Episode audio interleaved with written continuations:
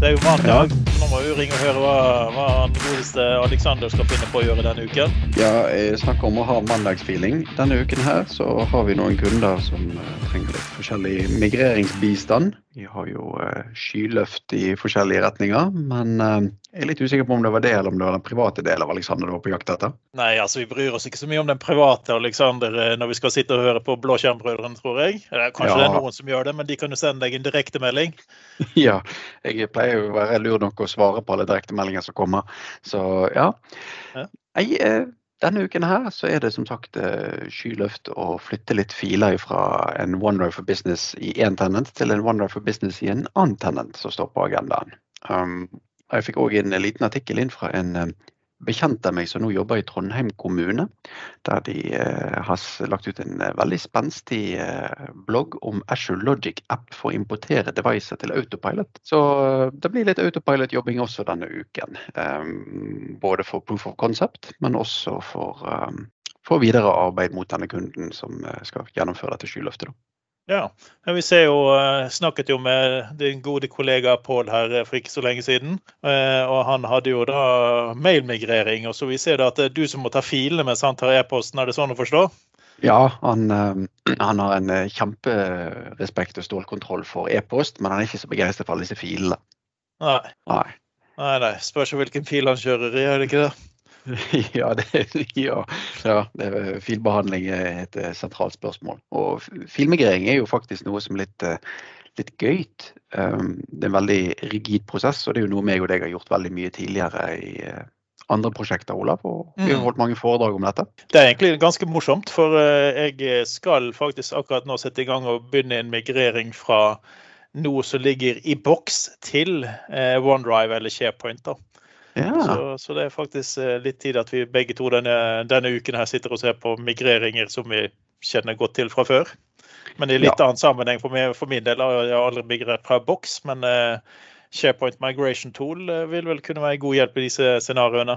Ja, litt usikker på om det er SharePoint Migration Tool. Uh, vi har jo da gått fra SharePoint Migration Tool, så har den videreutviklet seg til Migration Manager, som da er webkonsollen som gjør litt mer i hovedsak ser det ut til å være SharePoint Migration Tool i bunnen. Um, men uh, Microsoft kjøpte jo opp uh, en uh, leverandør som heter Mover. Og mm. denne kan ta fra tredjepart. Så den tar veldig mange tredjeparts eksterne. Så den tar jo fra Dropbox og Box og Asher Blob Storage. Og har du filer liggende strødd rundt om, så soper den sammen og legger det inn i OneDrive for deg. Ja, og ikke minst var jo, den ganske, var jo det oppkjøpet veldig bra, for at vi manglet jo et OneDrive til OneDrive-migreringsverktøy. Altså Hvis du skulle flytte noe fra én tennet til en annen, så måtte du nesten flytte det ned før du kunne flytte det opp til den andre tennen. Eller ja, fra én boks til en annen boks. Det var særdeles lite det var særdeles lite pent å gjennomføre migreringen der du med PowerShell-skript måtte koble opp to OneDrive-klienter på én og samme PC for å kjøre Robocopy. Mm. Um, så, så det, var, det, var, mye artig, artig krumspring man måtte gjøre da. Og det fungerte jo fint på størrelsesorden 1 2 3 gigabyte. Men med en gang du møtte på uh, med en gang du møtte på Gunnar på 45 år som jobbet i selskapet i 35 år, så, eh, så, så, var det rett og slett så mye arkiv der at uh, det var ikke gjennomførbart. Ja, og det, det, var jo egentlig noe av det vi, vi slo ganske fort fast når vi begynte med dette her i sin tid. Så var det jo det eh, mengden data kontra hvor mye egentlig data du burde hatt med deg. Det er jo en utfordring det der. Og skal du bare ta alt bosset ditt med deg når du flytter, eller skal du prøve å gjøre noe fornuftig underveis? Jeg hørte, jeg hørte en, en, leder i Tieto Evry si dette her, og det var fantastisk analogi. Eh, han fortjener, fortjener kreditt og gjengivelse her. og det var um, Hans eh, svigerforeldre hadde flyttet fra et stort hus inn i en helt ny fabrikkbutikk, eh, altså en helt ny leilighet. Da. Og så sier, sier de det at ja, men det er jo, det er jo litt sånn eh, Føles jo ikke helt nytt ut, da. Og så sier man at ja, men vi har tatt med oss alt det gamle bosset som var i det gamle huset. Alle gamle møbler, alle gamle stolene og alt det gamle er jo blitt med. Mm. Uh, og vi har jo ikke kvittet oss med noe på veien, så det er jo bare blitt alt det samme gamle bosset og mye mindre plass. Ja, ikke sant. Ja. Uh, nå har du riktignok mer plass i vår migreringer, men uh, allikevel er vel ingenting som tilsier at du bør ta med deg det, alt det samme bosset, de samme møblene og alt det du hadde fra før. Nei, det er jo det er blitt en sånn uh, ting man sier. det at uh, Du har jo sagt at dette er en god grunn til å bytte arbeidsgiver hvert femte år. er jo det at bli kvitt alle uleste e-poster. Uh, det er jo mer en vits enn et faktum. Men så hører man jo alle disse som sier at du bør egentlig flytte og bytte bolig hvert tiende år, bare for å ta den skikkelige garasjeopprydningen. Jeg er litt, litt, bekymret for at man ikke gjør det når man migrerer filer og e-post. At man rett og slett bare flytter det med fra, fra en plattform til en ny plattform til en ny plattform. Ja, det er jo det vi ser. Altså, jeg, kan, jeg kan jo si det med flyttingen. for at eh, eh nå faktisk Forrige uke så hadde vi konteinere i, i gatene her som vi fikk lov å hive i. Og eh, Vi har nå da bodd her i, i, fire år, eh, og nå har vi halvert innholdet i boden i kjelleren med å hive det som burde vært hivet for lenge siden. sant? Ja, ja og det, vi, vi altså, Hvis jeg åpner ene skuffen min her, sant? til de som kjenner meg, vet jo det at jeg driver jo IT Pro X på, på sidelinjen. Da, og Nå um, satt jeg her i helgen og testet en sånn konferanseutstyrshøyttaler. Og oppi skuffen min ligger jo det konferanseutstyr, altså headset og hodetelefoner og sånt som jeg har fått gjennom arbeidsgiver og kjøpt og hatt et test og sånt, og så bruker jeg til sammenligningsgrunnlag. Men eh, det begynner jo å bli bortimot ti år en del av disse tingene her, og man har aldri tatt seg tid til å virkelig ta denne opprydningen. Og jeg har på følelsen av at boden din i kjelleren er mye lik. Mm. Ja. Ja, han, han, var vel like ille sånn som uh, filserveren min var uh, når han var på en NAS-server før jeg flyttet han over til, uh, til skyen. da. Så, og Jeg må jo ærlig innrømme at jeg ryddet kanskje ikke godt nok før jeg tok det over, men jeg tok noen vurderinger. Og det bør man jo som et minimum tenke hva er det man har lyst til å ha med seg, og hva vil man ikke ha med seg? Det er jo det første leddet man bør tenke på. Vi har jo begynt å sammenligne boden din med OneDrive, da. Eh, men det, det, som er jo det at burde man egentlig ha eh, policyer i selskapene som sier at har du en fil i OneDriven din eller en e-post som er mer enn ti år, så blir den automatisk slettet med mindre du eksplisitt sier at den vil jeg ta vare på. Mm, litt sånn som vi kan gjøre med mailboksene, men folk ikke er flinke nok til. Og, og, man er jo faktisk pålagt i mange måter å, å, følge disse reglene, litt avhengig av hvilken bransje man har. Men mm -hmm. eh, vi har jo sett eh, altså En av de ryddejobbene vi hadde, eller migreringsjobbene vi hadde for en god stund tilbake, så så vi jo det der typiske eksempelet med, med litt sånn HR-relatert informasjon. Eh, det beste eksempelet der er jo vel kanskje CV-er som ble sendt inn i forbindelse med jobbsøknader. Ja, det blir veldig spennende. De holder på å digitalisere CV-er i forbindelse med jobbsøknader som er 10-15-20 år gamle. Og det som er artig med GDPR, er jo det at hvis du har personopplysninger og sensitive persondata, så for det første skal du fjerne de når du ikke lenger har relevant behov for å oppbevare de. Så de skal bort. Men uavhengig av hvor lang tid den tiden er, så må du sørge for at de er oppdatert. Så hvis det fremdeles er relevant å tilby denne personen jobb, så må du ringe rundt til dem og spørre om de fremdeles er enslige, om de har giftet seg, om det stemmer at de har eh, to barn eller om de har fått fire til. Så du må liksom ta den ringerunden og spørre om personopplysningene faktisk er oppdatert. Ja, og så må du vel også ha informert om at du har denne informasjonen liggende utover det som er en forventet fornuftig tid å ta vare på den? Ja, absolutt. Og det, jeg husker jeg hadde en overlevering av en bil. Jeg kjøpte meg en bil i 2019. Fabrikk, fabrikkny bil, for så vidt. Og da fikk jeg et skjema ved overleveringen av bilen der de spurte om det var ønskelig å ta vare på all maildialogen med forhandler, eller om de syntes det var greit, eh, eller om de ønsket at eh, de skulle slette denne dialogen. Det er jo for så vidt ikke så veldig sentrale ting. Det handler jo kun om ønsket om å kjøpe en bil og prosessen rundt dette, som kan gjerne være bistand i eventuelle eh, klager eller support eller hjelp eller noe sånt. Men de tar det på alvor. For det er ikke behov for å beholde maildialogen etter at jeg har fått bilen. For da kan jeg velge en annen serviceleverandør.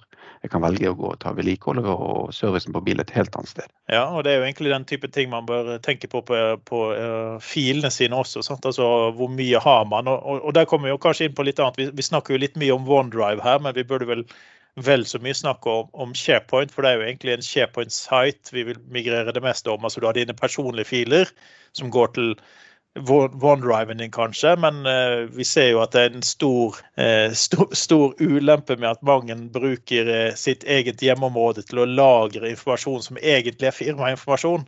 Altså tilbake til de CV-ene, da, hvis vi bare skal ta et helt direkte eksempel, så så jo vi når vi migrerte, så så vi at det var enkeltpersoner som hadde CV-ene ligge hos seg, mens det burde ha lagt på en felles HR eh, lokasjon, sånn som vi, vi, fikk kjørt det når vi kjørte litt av disse gjennomgangene av eh, compliance og sånne ting. Så klarte vi å samle ut hvor, hvor lå alt dette her. Ja, det, er jo flere aspekt med dette. og det jo, Dette blir jo nesten en filosofisk podkast ikke en teknisk podkast. Men ta f.eks. OneDrive for business, da, for å spole tilbake inn der, så, så er, det, er, det, riktig som du sier. Trenger man egentlig mer enn 100 megabyte lagring til personlige ting? Man skal gjerne lagre lønnsslipper der, man skal lagre eh, notater for ting som er blitt gjort. Veldig enkle arbeidsrutiner skal lages der. Det er ikke de store mengdene data. Unntakene er gjerne de som jobber med marketing, de som tar bilder og vil ha automatisk opplastning fra telefon og sånn. Så det, det, finnes unntak. Men som hovedregel mm, men, men, den typen unntak er jo egentlig mer det tekniske begrensning som gjør det. For at disse bildene du snakker om som, som de jobber med, burde jo vært delt til alle.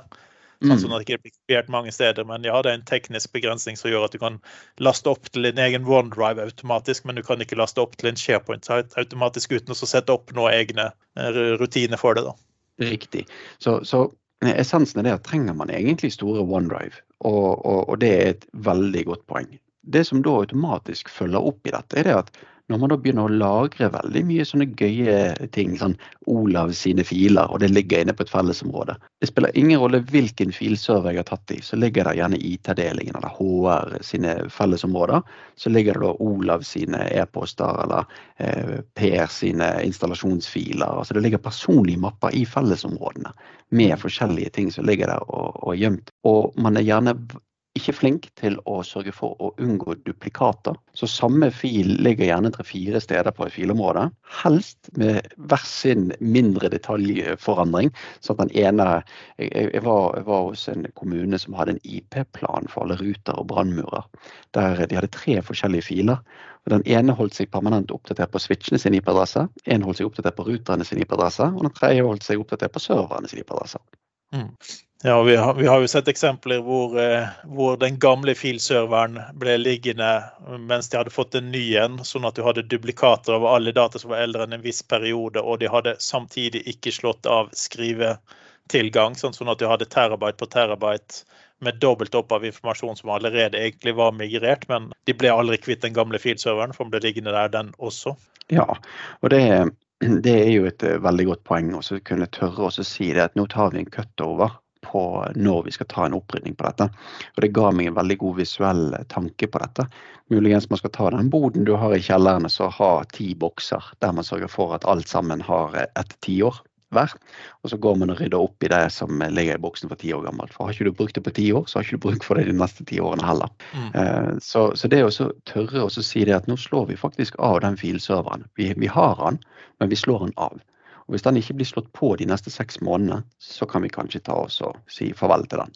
Mm. Ja, eller som et minimum at man i hvert fall sørger for at det er read-only-informasjon som ligger der, sånn at ikke noen faktisk kan videreutvikle et gammelt dokument. For det er jo det som ofte skjer, og da må du begynne å søke gjennom når ble denne sist endret. Eh, og han kan jo allikevel være eldre enn den andre filkopien du har liggende på den nye filserveren, men han kan allikevel være nyere og ha uh, mer data enn det han burde egentlig hatt. Sant? Ja, og det, det, det, det, er kjemperelevant, for uh, man laster ned installasjoner av uh, applikasjoner. Sant? Vi har jo ISO-filer med Windows 10 liggende på filservere i forskjellige versjoner av den, men alle heter Windows.iso. Um, så, så det, det å ha noenlunde versjonskontroll og det å rydde opp Bare det å ha et system som går inn og fjerner filer som er eldre enn en viss tid. Mm. Det er egentlig kjemperelevant. Og hvis det mot formodning viser seg det at du har f.eks. Eh, hadde en legevakt som hadde en EKG-maskin, der man installerte en spesifikk applikasjon til denne EKG-maskinen, marker den at dette er et unntak, for den tar du gjerne bare i hvert femte til tiende år. Og, og da er det et unntaksscenario. Men unntakene er håndterlig. fordi at du kan bruke ti timer på å forvalte unntak, men du kan bruke ti timer hver dag på å rydde opp, mm. og du blir aldri ferdig. Nei. Ja, men så du, jo, du nevnte jo også autopilot. Ja. Så Det var det andre gøye du skulle jobbe med denne, denne uken. Skjer det mye på autopilot-siden? Det skjer sjokkerende eh, ingenting. Eh, det er jo selvfølgelig litt som, som skjer med autopilot, men eh, autopilot er vel litt av det produktet som får eh, vi, har noen produkter som uh, vi, vi, snakker om i, i dagligtale, som får ufortjent eh, mye tyn. Sant? Vi har jo produkter som, som folk elsker å kritisere. Man, man, er, man, bruker produkter man gjerne ikke helt fornøyd med, så man, man liker å hetse det. Autopilot er vel i motsatt ende. Det får kanskje ufortjent mye skryt. Um, så autopilot er jo en kjempeviktig brukervennlig måte å komme inn i en skyverden på. Så det er et kjempeviktig konsept, og det er veldig nyttig å ta det i bruk. Og jeg anbefaler alle å ta det i bruk. Men det har ikke hatt den enorme utviklingen som man gjerne skulle se for seg at den kunne ha. I hvert fall ikke med tanke om hypen som kom til å begynne med den. Da virket det jo som dette her er eh, dette her, er den gylne løsningen på alt du har av problemer med, med klienthåndtering. Sant? Helt riktig. Og man glemmer jo det at autopilot er et sånt lite trekkspill med, med, med systemer som henger på. Autopilot er egentlig kun en del av business-storen til Microsoft som holder identiteten til maskinen. Og han gir deg et par muligheter. Han kan um, sørge for at du får en navnestandard på maskinen i bedriften. Og det er jo en kjempefordel, for det finnes jo egentlig ingen god måte å gjøre på uten autopilot i, i skyverden. Den andre er det at du har plutselig fått muligheten til å gi en brukervennlig out of box experience. Og, og la oss bare si at den er brukervennlig med autopilot versus ikke autopilot. Ja, Spesielt nå når localization kom inn her for uh, noen versjoner tilbake igjen, hvor du kunne få den til å sitte seg opp mot riktig språk, altså bli kvitt den US-bøgen ja. som kanskje var der tidligere, hvor du måtte velge alt på norsk, selv om du velger norsk oppsett. Uh, og norsk regional setting, så vil du allikevel seinere vise den få opp. Selvfølgelig, du vil bruke US keyboard. sant? Ja, ja. Vil du legge til et annet. Sant? Ja, sant. Um, og, og, så, så, den out of box-experiencen er, er, den andre. Og den siste er det at du har muligheten til å kunne sette bru, første bruker som signer inn til å være ikke local admin. For standard er jo det at første bruker som, logger på maskinen i en Ashore AD connection, er local admin. Her har du mulighet til å si at den bare skal være standardbruker. Så han gir deg en del ting, men det som skjer idet du er ferdig med autopilot-prosessen, det er selvfølgelig litt andre ting med sånn eh, status screen, altså enrollment status screen, og du har en del andre ting, white glove og litt sånn knass du kan gjøre. Men i det store og hele så er det disse brukervennlighet, navnestandard, administratorrettigheter. Etter dette så er det Intune som har ansvar for tingene. Så det man egentlig snakker om når man snakker om autopilot, er den lille lunten som tenner Intune-fyrverkeriet. Så det er en enabler for å få det du har satt på plass i bakkant, egentlig skikkelig opp og gå? Ja. Så når, når jeg ordlegger meg som jeg sier at autopilot får ufortjent mye skryt, så handler det ikke om at autopilot ikke er bra, men veldig mange forveksler autopilot med Intune. For autopilot ja. gir deg egentlig kun starten på det som blir Intune. Mm, så du må legge hele planen for applikasjonene og konfigurasjonene som skal være i tillegg til det autopilot kan starte i gang, da. Ja. Men eh, det var jo, altså, vi har jo sett på dette ganske lenge hos oss i Sparebanken Vest. Eh, og vårt største problem har jo egentlig vært hybridoppkoblinger, hvor du skal også domain-joine. Eh, og da er jo litt av problemet hvis du ikke sitter på kontoret og har plugget i domenekontrolleren. Eh, så får du jo fort eh, utfordringer. Eh, og det vet jeg de har jobbet med ganske lenge hos Microsoft, men nå går vi og venter på nyeste bilden skal komme ut i, i final release, og, og kanskje den får hjelpe oss. Det er, det er i hvert fall jeg spent på å sjekke ut. Men... Ja, og det, det, som er litt artig med autopilot, er at det siste året så har autopilot-modulen i Windows blitt noenlunde separert, så man kan faktisk oppdatere funksjonaliteten. Så hvis du slår på en maskin som er tilhørende en autopilot-verden, altså han sjekker om, han, eh, om, det er noe som eier han, så vil han oppdatere autopilot-modulen i operativsystemet. Så selv med, med, eldre versjoner av Windows, så vil de også kunne utvikle autopilot-modul uavhengig av Windows. Da. Så det er òg et uh, kjempesprang. Men det, som du sier, hybridmiljøet i Windows Autopilot har hatt forbedringspotensial. Samtidig så, så, er spørsmålet ønsker man å la brukere som har autopilot og Intune gå i et hybridverden. Det er veldig mange grunner for at man ønsker det. Men, eh, men spørsmålet er om man da heller vil gi dem en lokal, tradisjonell on-prem-opplevelse. At man knytter dem inn i AD og, og gir dem den verdenen der. Mens man gjerne har uh, type å si, sky, altså cloud only users, da, som man kan ta og flytte Eh, noen brukere til å være skibrukere, da. Men litt, litt, av problemet vil jo være så lenge at du er når du er en hybridoppsett, så trenger du gjerne Kerberos-passordet til maskinen for å få tilgang til visse ressurser. Eh, sånn som Pål Erik elsker printere, f.eks. Han klarer ikke å leve ja. uten printertilganger og sånne ting. Eh, så, så, vi vet jo at det er, det er, jo en del ting som gjør at du vil, du vil helst ha én leveringsmekanisme som sier at OK, vi bruker autopilot, så da slipper vi å få retanket PC-ene våre. Eh, vi bare skanner dem, og så vil det autotankes, eller du, får dem levert ferdig autopilot preparert. Og så slipper du da å måtte ha tankerom på kontoret eller ha en leverandør som tanker for deg. Eh, så, så det, du vil jo gjerne helst gå all in istedenfor at du må være en, en, eh, en halvveis inne. da. Så, så, det, så, det, er jo greit hvis du kan velge én av metodene og ikke to. For hvis du først må tanke de, La oss si du må tanke halvparten av maskinene når de kommer til kontoret. Eh, så er det nesten like betryggende å bare gjøre det med alle enn å gjøre det med halvparten, enn å av og til glemme hvem som skal ha hva. Ja, så, eh, og, det, og, det, er et kjempegodt poeng. Eh, så har vi jo da denne måten å flytte seg retning sky. Vi har den, den ene applikasjonen fra 1994 som man ennå ikke klarer å skifte ut. Er det en grunn til å bli værende igjen i on-prem-verden? Eh, kanskje og kanskje ikke. Eh, finnes det en måte vi kan tilgjengeliggjøre den på uten å måtte være en del av et AD-miljø, så er jo det å anbefale.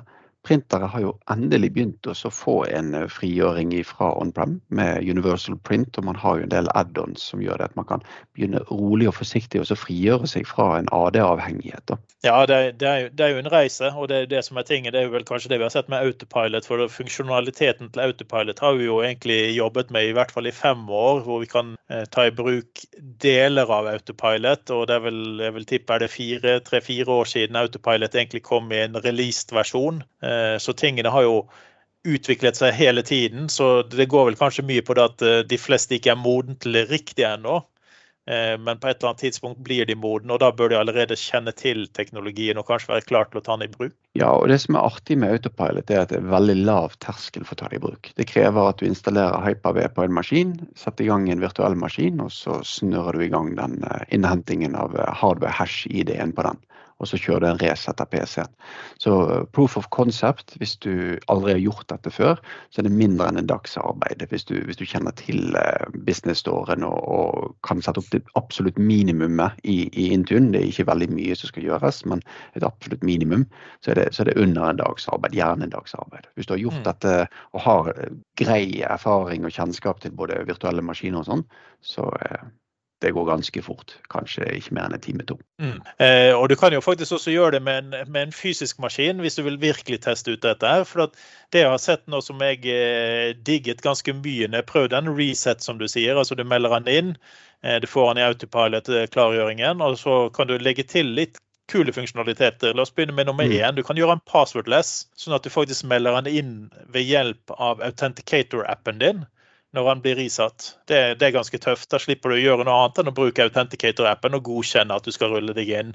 Så det, det, det er en bra, bra, måte å sette i gang. Eh, men så går du videre, så får du installert det du har lagt til i Intune.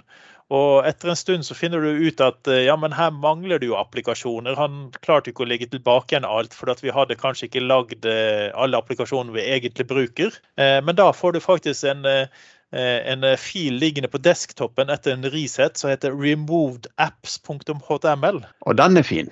Den er kjempefin. Så, så, essensen er det at hvis du har applikasjoner som du har eh, på maskinen før du resetter den, og han ikke får disse installert på nytt ved en reset, så får du en liste som sier 'husk å installere disse'. da de, eh, mm. de, dette er applikasjonen du gjerne vil savne. Og ganske kult at noen av dem altså Jeg ser bare her på min maskin, jeg gjorde dette for ikke så lenge siden, så har jeg eh, en eh, god liste hvor masse av dette er egentlig add-ons av forskjellige ting. sånn altså Visual Studio 2013 osv. osv. Men jeg ser f.eks. Audacity. ligger det faktisk en underlinet Audacity, så jeg kan faktisk trykke på den og komme til applikasjonssiden i noen av tilfellene. Visual Studio Code f.eks. osv. Du har eh, faktisk linker til en del av applikasjonene hvis Microsoft kjenner applikasjonen godt nok. da. Men det er både publiserer og det er versjoner av applikasjonen du hadde på PC-en. Så det å hente inn denne filen eh, i oppstartsfasen din. Det kan være veldig fornuftig å finne ut at OK, vi ser at veldig mange som har risatt, de mangler f.eks Eh, K-Light Codex-pakken. Eh, la oss eh, sørge for at den blir rullet ut med hjelp av Intune. Så blir det bedre og bedre etter hvert når du begynner å få den oversikten din. Ja, og vi får jo flere og flere sånn livsløpsverktøy i Intune. Vi har jo nå fått muligheten til å kunne kjøre sånne status incidents, altså remediation. Så du kan både sjekke er maskinen sånn som vi ønsker at den skal være, og så kan du sette i gang tiltakspakker for å løse dette problemet.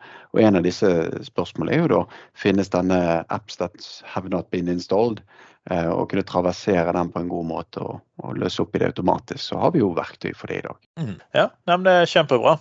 Det høres ut som du skal ha en eh, god arbeidsuke fremover, eh, Aleksander. Ja, vi, vi, gjør kun spennende ting i bransjen vår, Olav. Det vet jo du veldig godt sjøl.